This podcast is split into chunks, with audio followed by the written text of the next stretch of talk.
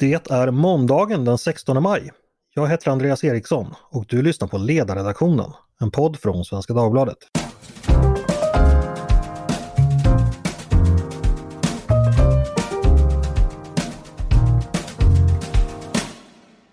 Varmt välkomna ska ni vara. Nästa vecka kommer det ryska angreppskriget mot Ukraina ha pågått i tre månader. Utvecklingen har ju förfärat oss i takt med de ryska krigsförbrytelserna och övergreppen mot civila. Men också förvånat oss alla i takt med att Ukraina, som det verkar, har hållit fienden stången, i alla fall än så länge. Vad är det då för land och för regim som står som angripare i det som har blivit det största kriget mellan stater i Europa sedan andra världskriget? Hur har Ryssland hamnat här helt enkelt? Och vad styr Kremls och Putins världsbild? Det ska vi prata om idag med min gäst, forskaren Martin Krag. Varmt välkommen hit! Tack så mycket! Du är ekonomidoktor i ekonomisk historia, biträdande chef för Centrum för Östeuropastudier vid Utrikespolitiska institutet och också författare till boken Det fallna imperiet som kom ut tidigare i vår och som handlar just om Ryssland och väst under Vladimir Putin. Eh, första frågan är egentligen vad, vad syftar titeln på? Det fallna imperiet? Vilket imperium har fallit? Det är en bra fråga. Eh, men ehm, eh, titeln pekar på eh, två olika idéer egentligen.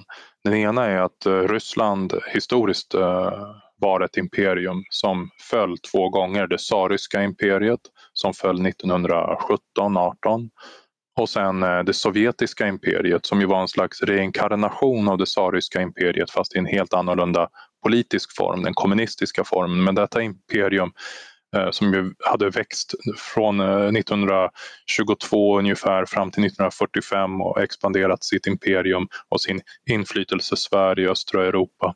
Detta imperium föll ju 1991 så det är den ena tanken med den här titeln, det fallna imperiet.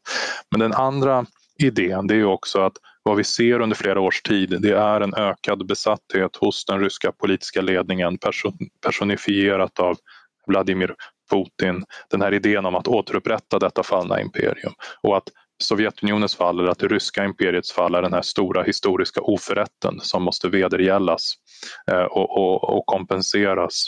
Och, och, vad vi vet historiskt är ju att alla försök att att återskapa fallna imperier är dömda att misslyckas och att de leder bara till ytterligare kriser och problem. Och, och, det är just den faran som jag ville beskriva med min bok och som ju på något sätt illustrerades allt för väl med den 24 februari. Mm. Just det, för att förordet i boken är ju skrivet bara två dagar efter det ryska anfallet mot Ukraina 24 februari. Eh, jag tänker, hur var det att skriva det med att ha en sån våldsam pågående händelseutveckling samtidigt som du så att säga satte punkt för din berättelse fram till nu. Var det, kändes det märkligt? Det kändes märkligt. Eh, man kan ju säga att jag vaknade, liksom många i mitt fält, vi vaknade gryningen torsdagen den 24 februari ut ur en mardröm som vi har haft i, i åtta års tid sedan Krimannekteringen egentligen om att Ryssland är på väg att eskalera och, och vad vi vaknade till var en situation där vårt värsta mardrömsscenario nu också infriats, nämligen att Putins mål var att, eh, och kanske förblir är att, eh, då att överta hela det ukrainska området.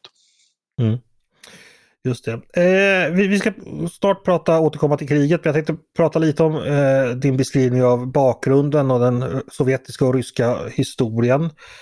Eh, det är ju en omfångsrik och komplex historia förstås. Vi kommer inte kunna hinna med allt förstås. Men, men en liten sak som har intresserat mig som också återkommer i din bok. Det, det verkar ha, historiskt ha funnits en diskussion om Rysslands relation till Europa och väst. Alltså i vilken grad är Ryssland del av Europa? Och den diskussionen har både förts i Europa hos oss i väst så att säga, men också väldigt mycket i Ryssland. Eh, är man en egen självständig civilisation med, eh, som ligger vid sidan av med lite sin egen religion, sin egen kristendom och så vidare. Jag antar att, att svaret är naturligtvis i Ryssland både del av Europa och sitt eget. Men, men, hur skulle du vilja utveckla det området lite? I vilken grad har Ryssland gått sin egen ryska väg och hur mycket måste man förstå det ryska som just en självständig civilisation och hur mycket ska det förstås som en del i en europeisk kontext? Ehm, det, det, det, korta svaret är att det är både och eh, på samma gång. Ehm, och det här är en diskussion som har förts i alla fall sedan 1800-talets början eh, i Ryssland. Ehm, det är en, för en del som är kanske idéhistoriskt eh, intresserade så är den här debatten under 1800-talet kommer att ramas in i som en debatt mellan slavofiler å ena sidan och liberaler å andra sidan och sen hade du olika så att säga, schatteringar inom dessa grupper. Men det var mm. den här idén om att ja, å ena sidan så hävdas då hos vissa att, att Ryssland är just en odelbar eh, civilisation. Den har växt fram historiskt på sina egna premisser. Den ryska kulturen, det politiska systemet. Eh, allt det här är någon typ av eh, unika egenskaper som, som just gör att Ryssland inte kan ses som en, som en del av övriga Europa. Och sen så har du under andra tider haft pendelsvängningar då, då, då så att säga konsensus har pendlat åt att snarare handla om att Ryssland är och bör bli en del av Europa. Och den här eh, pendelsvängningen har liksom rört sig fram och tillbaka över tid och alla de här debatterna och diskussionerna har funnits där hela tiden. Det jag vill säga med det och varför jag dock som, som gör är värt att påminna sig själv om är att den här diskussionen är ju inte unikt eh, rysk. Nej. Alltså idéhistoriskt kan du sammanfatta det som en pendelrörelse mellan å ena sidan upplysningens eh, Eh, tankegångar kring kring eh, gemensamma idéer och principer och, och, och liksom där länder integreras eh, mellan, över gränser och samarbetar genom handel och idéutveckling och så vidare. Det, det är ju den här sena 1700-talets idé. Sen har du ju liksom 1800-talets tankar som ju bottnar i en slags reaktion mot upplysningen och som ju kom till uttryck just i romantikens nationalism. Och, och det, det här spänningsfältet det, det, har ju funnits i, i flera andra europeiska länder också eh, sedan 1800-talet. Eh, eh, men men, men eh, det är därför inte heller förvånande att vi har haft samma Eh, liksom, eh, polemik och, och, diskussioner i Ryssland som jag kunnat se. Men, men vad man kan säga är ju att den här tendensen som har kommit att, när man liksom har betraktat Ryssland eller Sovjetunionen som något unikt, ett eget system på sina egna premisser, eh, den har kommit att dominera mycket längre tidsperioder i, just i Ryssland då, än i kanske övriga Europa. Och, mm. och, och, nu under Putin då efter en kort tid från Gorbatjov och Jeltsin då man närmade sig väst så, så har man återigen fjärmat sig och då använder man de här argumenten från det förflutna för att legitimera den här pendelrörelsen tillbaka mot ett mer insulärt och isolerat Ryssland. Jag tänker ändå att det finns ju ändå vissa särdrag eh, med den ryska civilisationen så tillvida dels dess blotta storlek, dess blotta antal människor. Dels att man också var då så att säga efter Östromerska rikets fall så var man ju ensamt nästan bärare av den gamla östkyrkliga identiteten. Och också att man har haft liksom, det är ju ett rike som spänner flera kontinenter som har liksom direktkontakt med Asien, med andra folk och civilisationer både i söder och, och öster. Så på sätt och vis finns det väl då på det sättet ryska särdrag, eller, eller tänker jag fel då? Alla eh, kulturer och, och, och, nationer eller civilisationer har unika särdrag givetvis. Eh, du kan peka på massa särdrag i, i svensk historia som särskiljer Sverige från, från andra länder också. Mm kan peka på att vi haft under lång tid eh, självägande bönder i hög utsträckning. Vi hade livegenskapen som avskaffades mycket tidigt i jämförelse med andra länder. Kvinnans roll som har varit något annorlunda i det svenska politiska systemet under lång tid. Eh, vi hade något som hette vikingar som liksom var kul. Alltså du kan hitta på, liksom vad du kan använda olika argument för att liksom konstruera olika typer av legitimitet eh, för den politik du vill föra och det är, det är väl det där jag tror kan är det lite vanskliga i det ryska när man just om man accepterar allt för oavkortat just det här narrativet om att om att Ryssland skulle vara något alldeles särdel, särledes unikt. Um, Ja, men om vi tar exemplet där med den rysk-ortodoxa tron som den kallas då, eller ja. helt enkelt bara ortodoxin. Den införlivades i något som heter Kievriket en gång i tiden, för tusen mm. år sedan. Då existerade inte dagens Moskva, existerade inget som hette Ryssland. Eh, och Kievriket eh, omfattade ju framförallt de områden som idag utgörs av det ukrainska territoriet och eh, västra ryska områdena alltså som kring Novgorod. Så att man ska också vara liksom lite källkritiskt skeptisk till, till sådana här påståenden om att länder skulle vara alldeles helt obegripligt unika ibland. Okej, så du vill varna mot en för långt gången... Ja, det kan ju nästan bli en determinism kring att man har speciella... Exakt, exakt. Det har varit mer rörligt och mer öppet under långa tidsperioder än vad vi ibland vill minnas också. Eh, vi ska förflytta oss framåt i historien, närmare bestämt till den eh, 1 januari 1992. Då är det så att Sovjetunionen upphör och helt plötsligt så står då den här nya ryska federationen där och eh, om jag tolkar det rätt så beskriver du att det är ett ganska öppet projekt då vad det här nya landet ska... Det finns naturligtvis arv men det finns ju massor med olika arv att hämta från. Eh, men vad det egentligen ska bli det är någonting som då gradvis förhandlas fram i, som, mellan olika krafter. Om jag förstår det rätt. Kan, kan, du beskriva lite det? Vad, vad är det för land som ser dagens ljus den gången för över 20 år sedan? Ja, det är ju en väldigt bra fråga för att um, det är ju en otroligt månglagrad utveckling som, som leder fram till eh, den statsformation som idag heter den ryska federationen. Det är ju så att ehm, konstitutionellt så uppstod eh, dagens Ryssland eh, inom ramarna för den sovjetiska konstitutionens senaste iteration som var 1978 års konstitution. Där, Eh, och det var de gränserna som då gällde och, och, och, och den politiska interna sammansättning som då gällde som också övertogs eh, av Ryssland eh, 1 januari 1992. Och det skulle dröja minst över ett och ett halvt år till det att du fick en ny konstitution som kom att ersätta den tidigare. Så så dels har du liksom ett sovjetiskt arv rent rättsligt så att säga. Sen um, har du ju liksom ett ekonomiskt arv. Um, dels det tsarryska liksom industriarvet men framförallt det, det sovjetiska som ju uh, hade präglat så att säga, den ryska utvecklingen i hög grad. Ett land som hade varit ett agrart samhälle i början av 1900-talet var i huvudsak ett industrialiserat urbant samhälle 1992. Eh, och ett samhälle som hade varit djupt Eh, präglat av den ortodoxa tron i början av 1900-talet var ett tämligen sekulärt land 1992. Eh, så på många sätt eh, så var det här Ryssland någonting helt nytt. Samtidigt som, som du hade alla dessa historiska erfarenheter som, som kom att spela in. Och, och du hade ju också då en sån här central aspekt som jag så att säga, skriver mycket om i boken. Det är ju det är just eh, gränserna för den här mm. nya statsbildningen. Alltså vad, vad ska, sammanfaller, enkelt uttryckt så, så fanns det en uppfattning hos många i de ryska eliterna att den ryska federationens eh, folkrättsligt erkända gränser de sammanfaller inte med landets egentliga politiska, historiska och kulturella gränser. Så någonting som händer redan, till och med under, som blir uppenbart redan hösten 1991, det, det, det är ju att man börjar få Eh, tydliga konflikter över gränser. I, inte bara i, liksom i det forna Sovjet men också internt i Ryssland. Mm. när Ryssland då så att säga eh, kommer till, det är ju den tiden då de pratar om historiens slut då, då marknadsekonomin, den liberala demokratin, eh, ås, alltså en internationell ordning byggd på vissa rättsregler och sådär.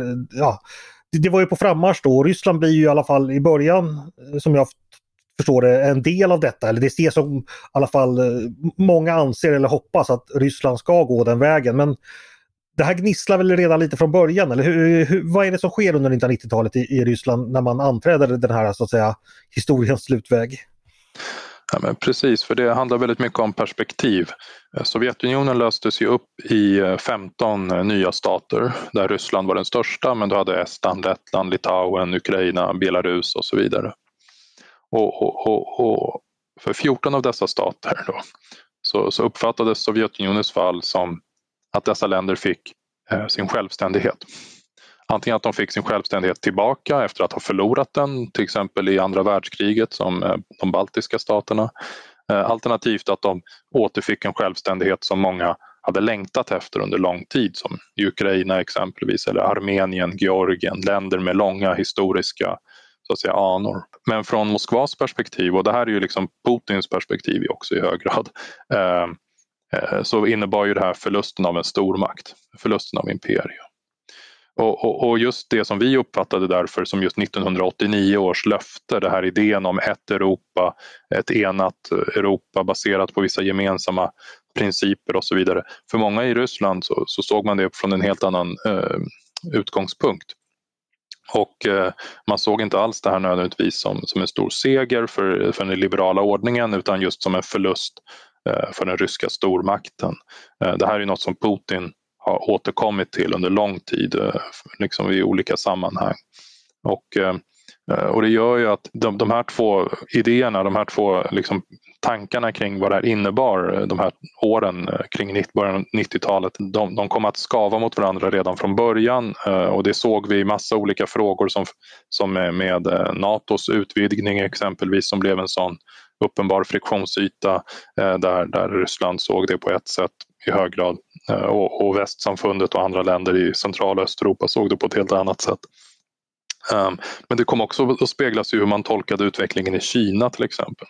Mm. För att, uh, vi kommer ihåg uh, att Gorbatjov liksom i slutet av 80-talet, han hade ju omvandlat Brezhnev-doktrinen till vad han valde att kalla då um, den så kallade Sinatra-doktrinen, My Way som de kallade det. Vilket var att liksom de östeuropeiska tidigare satellitstaterna skulle få gå sin egen väg. Vi vet vad kommunistpartiet i Kina gjorde på Himmelska fridens torg. 1989. Mm. Eh, när du kom, när fick liknande röster där för demokratisering så, så eh, massakrerades de under stridsvagnar och, och kulsprutseld. Och eh, det är helt uppenbart så att, att många i de ryska eliterna eh, ansåg att Gorbatjov borde ha gjort mer för att försvara Sovjetsystemet. Och det var det vi såg också med det här misslyckade kuppförsöket i augusti 91 exempelvis. Då. Mm. Eh, så, så den här liksom friktionen, den här problematiken, den, den fanns eh, inbyggd i, i Sovjetunionens fall. Att, att den, den, skulle inte få den här allmänna acceptansen som vi hoppades på utan den skulle komma att ifrågasättas redan eh, tidigt från första början. Mm. Och sen är det ju som, som du beskriver då att eh, både Sovjetunionens fall men även resten av 1990-talet får, eh, får man säga då ofta då beskrivs som en tid av förnedring för då den här ryska stormakten som inte längre riktigt är en stormakt utan eh, behandlas på sätt av väst som att man, man undervisas, man är tvungen att eh, böja sig, man, man, man, är svag. Så att säga. Och den bilden verkar fortfarande spela en viss roll i, i, i, i hur den ryska regimen idag eh, förhåller sig. Eh, men, men hur, eller vad skulle du säga, hur spridd är den bilden? Och hur sann är den bilden? Finns det eh, motiv att liksom säga att Ryssland så att säga delvis blev förnedrat eller hur ska man tänka kring det? Det är ju att de, den här upplevelsen av eh, att eh, liksom, oförrätter, att ha blivit utsatt för, för västsamfundets förnedrande uppträdande, det, det är ju en uppfattning som, som just du hör hos företrädare för de ryska eliterna Eh, som just är alltså de här antiliberala eliterna som har dominerat politiken under så lång tid i Ryssland. Det är ju de som uppfattar, känner sig vara förnedrade eller något liknande. Begicks det misstag i olika sammanhang där, där även väst kan få en del av skulden? Absolut, det, det, kan man diskutera. Men eh, just den här känslan av revanschism och att ha utsatts för oförrätter, det, det är någonting som är eh, väldigt typiskt eh, för fallna imperier. Mm. Vi har sett det historiskt också. Efter första världskriget så fick du en liknande revanschism i Tyskland, i Ungern, eh, Österrike, Ungern, Tyska riket, Ottomanska riket kollapsade precis som det sa Ryska riket och, och det ledde till andra världskriget när du fick nya gränskonflikter och gränser över, konflikter över territorium. Och, och efter andra världskriget så förlorade Frankrike och Storbritannien sina kolonier det ledde till nya konflikter som kulminerade i exempelvis då Algerietkriget med, med fransk inblandning. Eh, mm. Och, och, allt det här eh, liksom ser vi att det tar tid för liksom forna imperier att, att liksom hitta en ny identitet som, som då uh, inte är imperiets idé. Och för Ryssland så är det liksom det här är den grundläggande problematiken de har att hantera och det är en intern rysk problematik. Det är egentligen väldigt lite som väst kunde göra för att påverka eller styra den för mycket. Ehm, och eh, det har funnits en idé hela tiden om att Ryssland eh, var en stormakt då på den tiden under kalla kriget. Vi var en av regelmakarna, inte en av regeltagarna. Och det är väl den så enklaste distinktionen man kan säga som finns mellan en stormakt och en, och en vanlig stat. Det är att liksom andra stater accepterar att vi är regeltagare. Så att säga, vi förhåller oss till folkrätten, den europeiska säkerhetsordningen och den typen av normativa idéer. Men om du är en riktig stormakt då, då står du över det. Mm. Och, och, och, Rysslands ledare ville vara ledare för en riktig stormakt och det betyder att då kan du vara med och bryta mot reglerna och sätta nya regler. Mm. Och, och, det är precis det som vi såg i december förra året när exempelvis då det ryska utrikesdepartementet uh, publicerade sina, sina krav på en ny säkerhetsordning. Där hade du den här idén om den oförrättade stormakten som ville återta sin kontroll. Mm. Eh, 1990-talet tog slut och det blev millennieskifte och just då så blev det Putin som tog över efter Jeltsin. Varför blev det just Vladimir Putin som kom att bli efterträdaren? Ja, det är ju många som har försökt beskriva den eh, processen som ledde fram till att Jeltsin då på nyårsdagen eh, 2000 abdikerar och, och, och, utnämner då sin premiärminister till ställföreträdande president. Eh, enkelt uttryckt så hade ju Jeltsin hade ju prövat ett antal eh, premiärministrar eh, inom mycket kort tid. Eh, och eh, Primakov, Evgenij Primakov som var en av dem exempelvis, hade en bakgrund som liknade Putins på många sätt. Eh, KGB, han var till och med mycket mer högrankad och, och, mycket mer välkänd och mycket starkare politiker än vad Putin hade varit. Men han betraktades kanske som ett osäkert kort just för att eh, Primakov var kanske för, för självständig och, och kanske inte kunde styras lika enkelt. Det var kanske det tänkandet inom klanen Jeltsin och hos oligarkerna som tvärtom då lyfte upp Putin. Då. Putin hade ju då jobbat tidigare i Sankt Petersburg, han kom till Moskva eh, 96-97 då han lyftes in av sina vänner som jobbade i Kreml.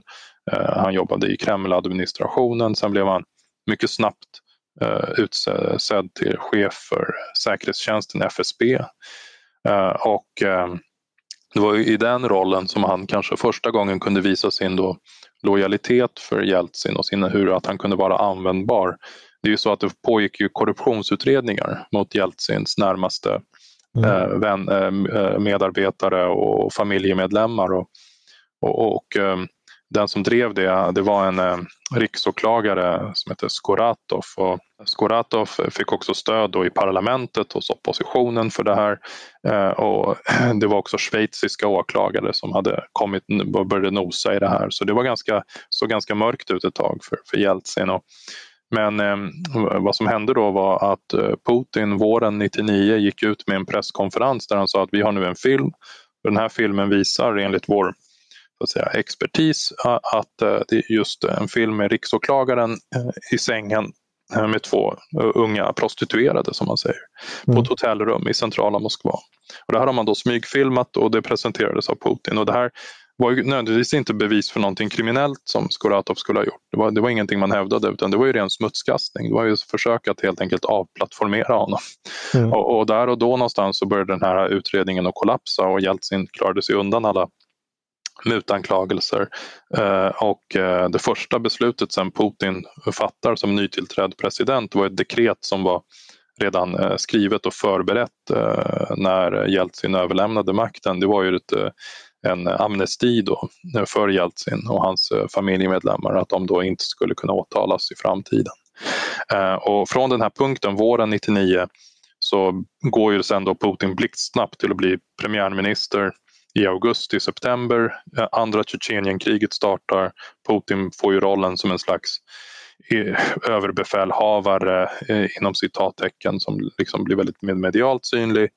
Och under hösten så blir han mer och mer känd och kanske populär och, och sen då när Jeltsin helt enkelt bara överlämnar makten till honom då, då är det uppenbart att tre månader senare i det här presidentvalet som då hålls eh, så kommer Putin att vinna också.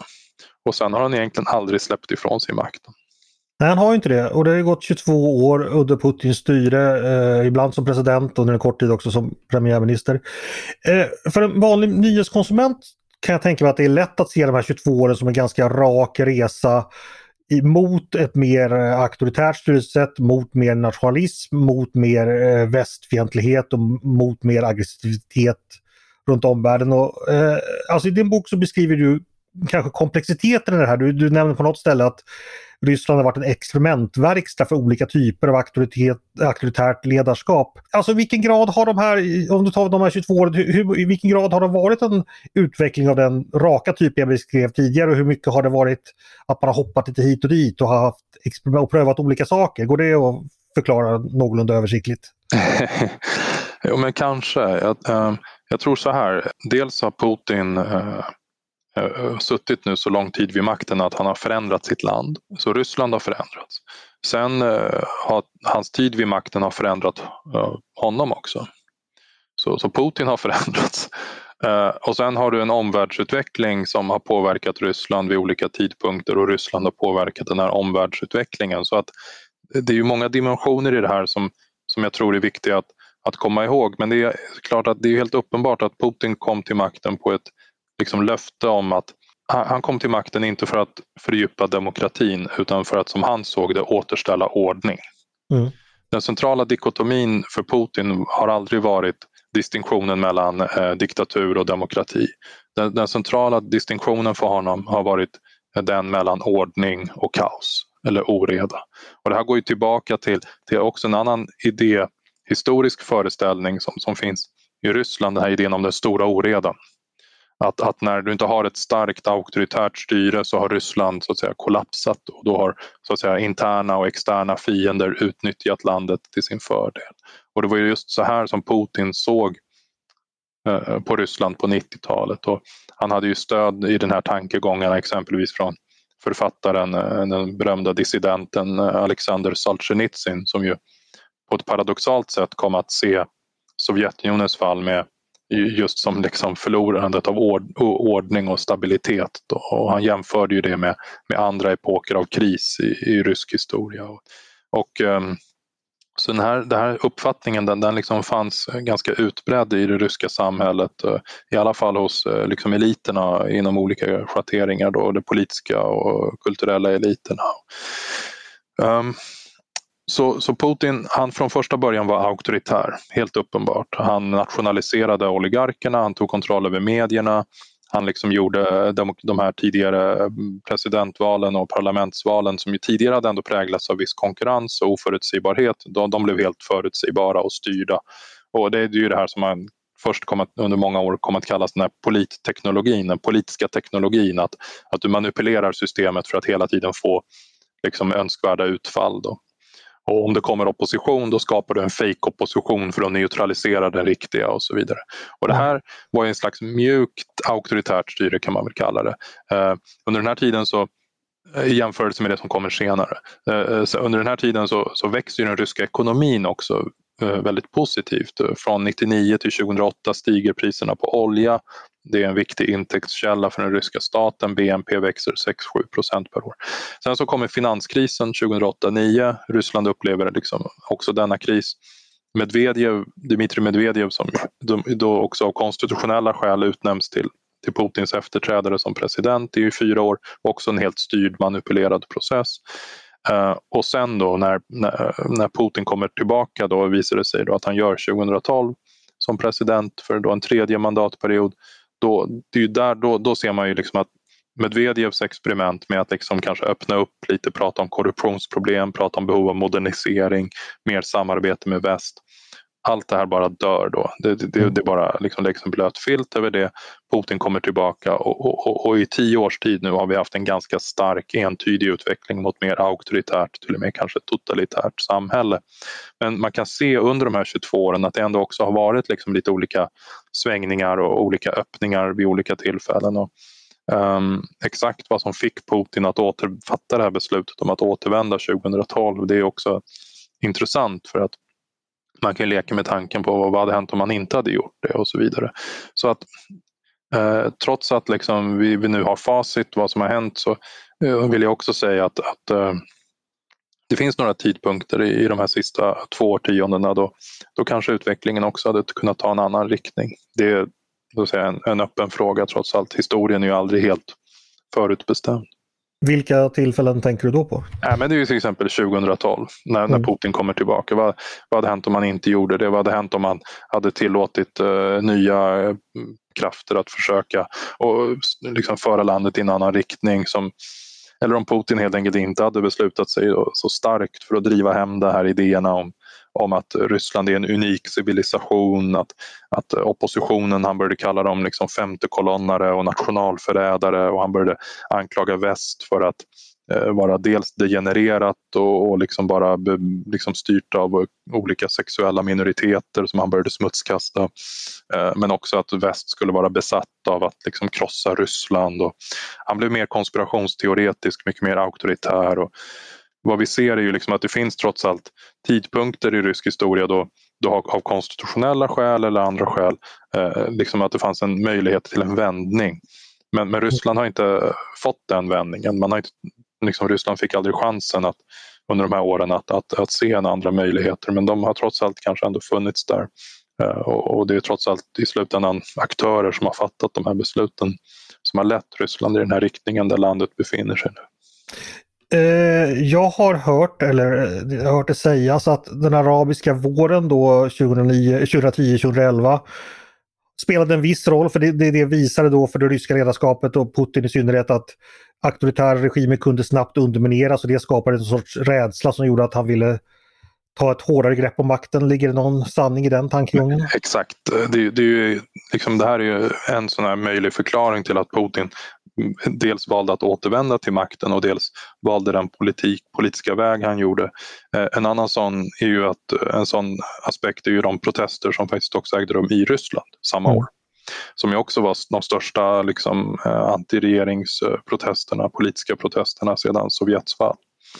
Och um, Eh, han skyllde väl det i viss mån på kanske Medvedev som jag hade försökt öppna upp i viss mån och, och kanske gett eh, oppositionen och eh, den typen av självförtroende som Putin menar var opåkallat. Och, eh, Gaddafis död eh, sägs ha påverkat Putin personligen och att han, ska, han kände ju på, de kände ju varandra och, och Putin sägs då ha varit lite halvt besatt av att titta på den här filmen när Gaddafi lynchas. Mm. Eh, och att han kanske såg sig själv i ett sånt här scenario. Ehm, det var ju också en tid då andra vänner till honom som eh, Berlusconi, han började hamna i rättsligt uh, trubbel och, och, och, och man kan bara föreställa sig att, att, att Putin i sitt huvud liksom började se risker för, för sig själv också på, på ett liknande sätt. Och man ska komma ihåg att vi har pratat mycket om den här militära rustningen som ägt rum i Ryssland. Man har satsat ökat försvarsutgifterna kraftigt under de här åren. Eh, men eh, den interna repressionen, eh, där har man ju ökat budgeten ännu mer mm. hela tiden. Så inrikestrupperna, nationalgardet, de har ju fått ännu större resurser än vad, i procentuella termer, ökningar än vad Försvarsmakten har fått. Du, eh, om man tänker då på Putins eh, politiska projekt som då ändå har vuxit fram framförallt eh, efter 2012 ideologiskt. Hur mycket skulle du säga att det finns någon sorts genuint värderingsbaserat ideologiskt och hur mycket består så att säga bara i att rensa ut tankar och drag som skulle kunna uh, hota Putins eget styre? Eh, går det, eller går det att göra en sån åtskillnad? Jag tror det.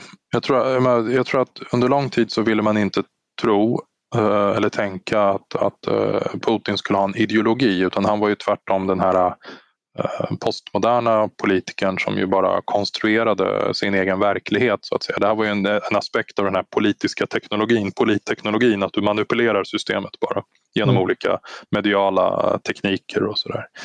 Men eh, jag skulle vilja hävda att sedan 2012 är det tydligt att det har utvecklats någonting som kan kallas en ideologi. Det är inte på samma sätt någon idé att det ska vara en systematisk ideologi som marxism-leninismen, den skulle ju så att säga inom citattecken på ett vetenskapligt sätt förklara hur, hur världen eh, egentligen fungerar. Och nu vet vi att den då förklarade verkligheten på, på ett sätt som ledde till kanske rätt stora problem eh, i Ryssland men, eh, men vad Putin har gjort det är att utveckla någon slags liknande tänkande som jag ändå tycker man kan kalla ideologi och den baseras ju på, på just idén om Ryssland som den här eh, odelbara eh, liksom, civilisationen som bara kan förstås på sina egna premisser.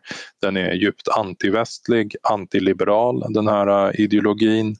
Eh, och den har också eh, starka eh, konspirationsteoretiska element som Putin mer och mer har varit, börjat förefalla då övertyga sig om stämmer. Att den här idén om att väst vill stycka upp Ryssland och stjäla landets naturresurser att vi förbereder olika typer av laboratorier med biologiska vapen som bara dödar etniska ryssar. Eh, han har återkommit till flera sådana här olika tankegångar sista åren eh, med sådan frekvens att, att eh, man, man, får anta att han i viss mån i alla fall också tror på det.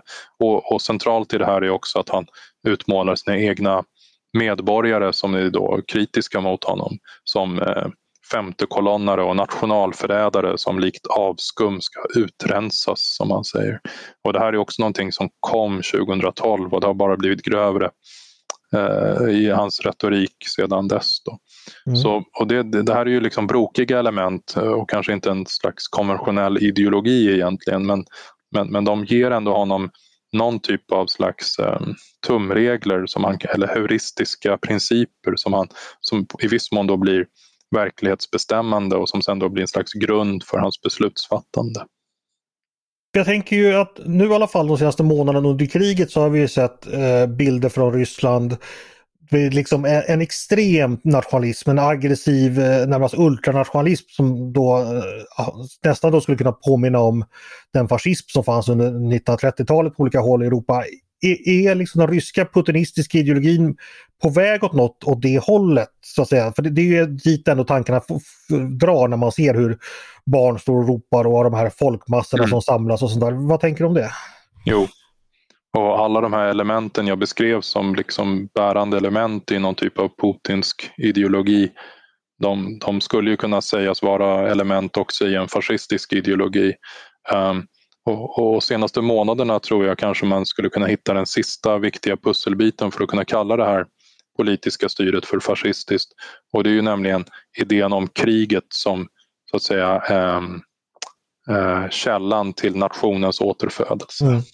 Ja, det, precis, det är ju generisk ja. fascism det. Liksom. Ja, och det, det, det, för den beståndsbiten, den pusselbiten, den, den kanske tidigare inte uttrycktes på samma sätt med den typen av tydlighet som vi har sett nu. Och det, det är därför vissa ledande fascismforskare som George Griffin har sagt att vi inte kan kalla Putins system för fascistiskt. Men, men eh, jag tror att eh, vi i framtiden kommer kalla det vi nu ser som någon variant av ett fascistiskt system. Jag tror att Eh, det kommer vara okontroversiellt att säga det. I vilken eh, grad har det putinistiska systemet nått eh, det totalitära, alltså det här med att staten och kontrollen och övervakningen karaktäriserar hela samhället, alltså den typen av som man hade i Östtyskland eller, eller i, i, Sovjetunionen. Mm. Har man gått åt det hållet? Ja, du har nämnt den interna repressionen, men hur långt har den gått? Skulle du säga? Ja, men eh, fram till förra hösten så, så hade ju Ryssland fortfarande en del inte helt oberoende och, och liksom eh, organisationer i den bemärkelsen att de kunde fungera utan att myndigheterna la käppar i, satte käppar i hjulen för dem hela tiden och så. Men, men du hade ju fortfarande Memorial, eh, människorättsorganisationen som grundades på 80-talet av Sacharov. Eh, du hade eh, liksom flera, ett par så att säga oberoende medier som kunde sända via internet. um, du hade, du hade ändå ja, oppositionella som, som uh, kunde verka och organisera sig politiskt internt i Ryssland. Uh, och, och, steg för steg har vi sett hur, hur snaran bara har dragits åt och, och den här mordförsöket mot Alexej Navalny då 2020 i augusti Sen att man liksom drev en stor del av hans organisation i exil och andra oppositionella. Sen att då de här under förra hösten så att de här sista medierna och människorättsorganisationerna tvingades stänga ned eller de utsattes för liksom vittgående repressalier.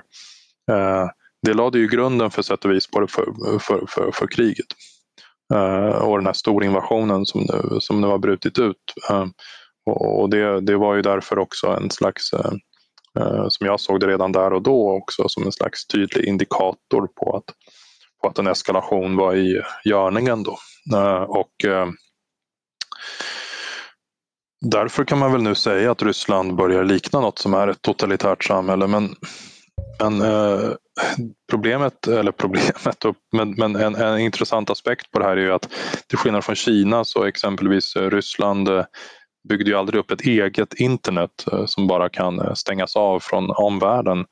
Eh, de är själva i stor utsträckning fortfarande beroende av omvärlden, även myndigheterna och så vidare och de kan vara därför kanske lite, det kan förklara varför de inte riktigt har vågat ge sig på internet helt eh, fullt ut. Eh, för att eh, det kan vara så att det skulle påverka hur deras egna myndigheter och sjukhus och skolor och så vidare kan kommunicera med varandra. De har inte helt enkelt den kapaciteten, teknologiska kapaciteten som Kina har.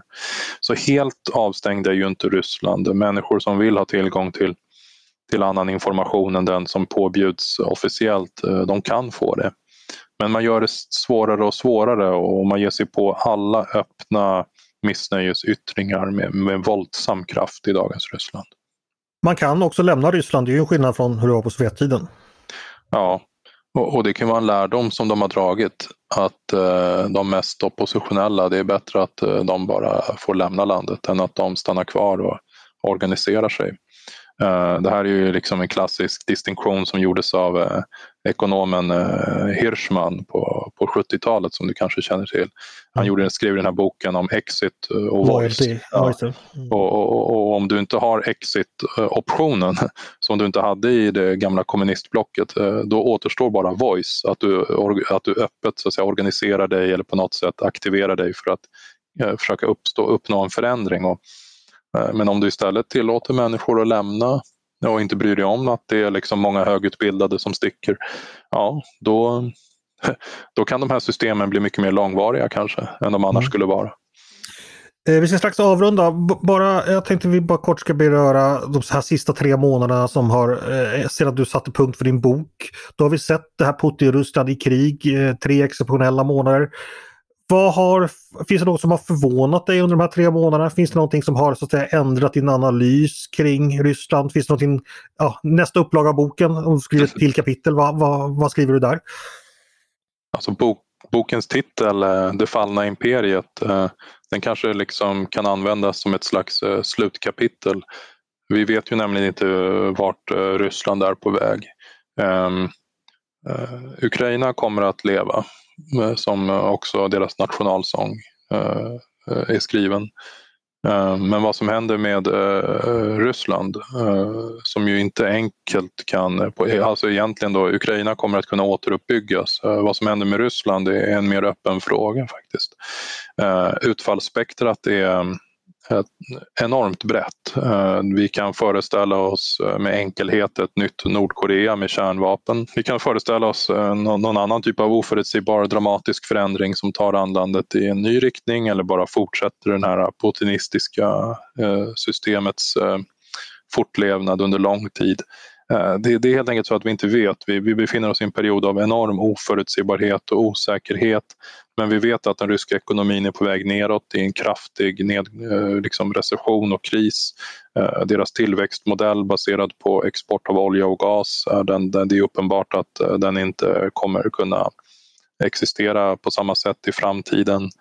Ehm, så att landet står inför enorma förändringar och på sätt och vis så börjar man ju önska att, Eh, att, att landet också militärt kommer att besegras på ett mycket entydigt sätt för att precis som de svenska imperiedrömmarna kanske gick upp i rök först i och med eh, Poltava 1709 så, så kanske de ryska imperiedrömmarna behöver också krossas i ett uh, tydligt nederlag som gör det uppenbart för tillräckligt många människor i det ryska samhället att, att, den, att den här nuvarande vägen den leder bara till en uh, Eh, mycket hård återvändsgränd och inget positivt kan komma ur det här.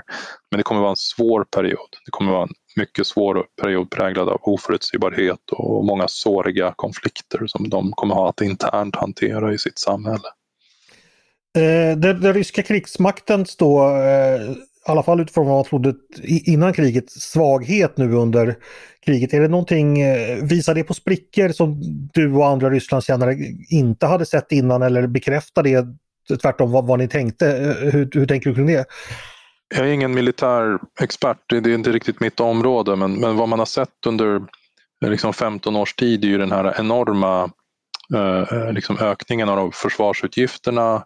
Eh, och sen såg vi att Ryssland hade framgångar i vissa begränsade konflikter som Krimannekteringen 2014 och Syrieninterventionen ett år senare. Jag tror att eh, vad vi inte hade sett skalan av på samma sätt, eller vidden av, det, det, det var ju att den ryska militären eh, skulle ha sådana enorma interna problem som de har.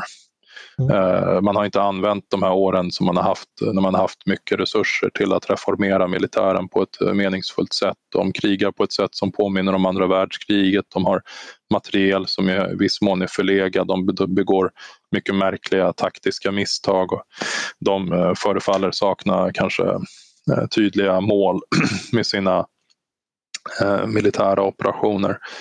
En kontrast mot Ukraina som ju har Eh, kunnat utöva en helt annan typ av motstånd. Ryssland kan inte räknas ut. Ryssland är fortfarande en militär fara på många sätt. Eh, men eh, jag tror att någonting vi i framtiden kommer ha, det är en mycket mer nyanserad förståelse för hur den ryska försvarsmakten egentligen mår. För nu har vi fått ett facit på det. Stort tack Martin Krag för att du ville komma till podden och berätta om din bok. Tack så mycket. Och tack till er också som har lyssnat på Ledarredaktionen, en podd från Svenska Dagbladet. Ni är varmt välkomna att höra av er till oss på redaktionen med synpunkter och tankar på det vi har precis diskuterat. Eller om ni har förslag på saker vi ska ta upp i framtiden. Då mejlar ni bara till ledarsidan snabela svd.se. Med det återstår bara att tacka för idag. Dagens producent har varit Jesper Sandström. Jag heter Andreas Eriksson och jag hoppas att vi hörs igen snart.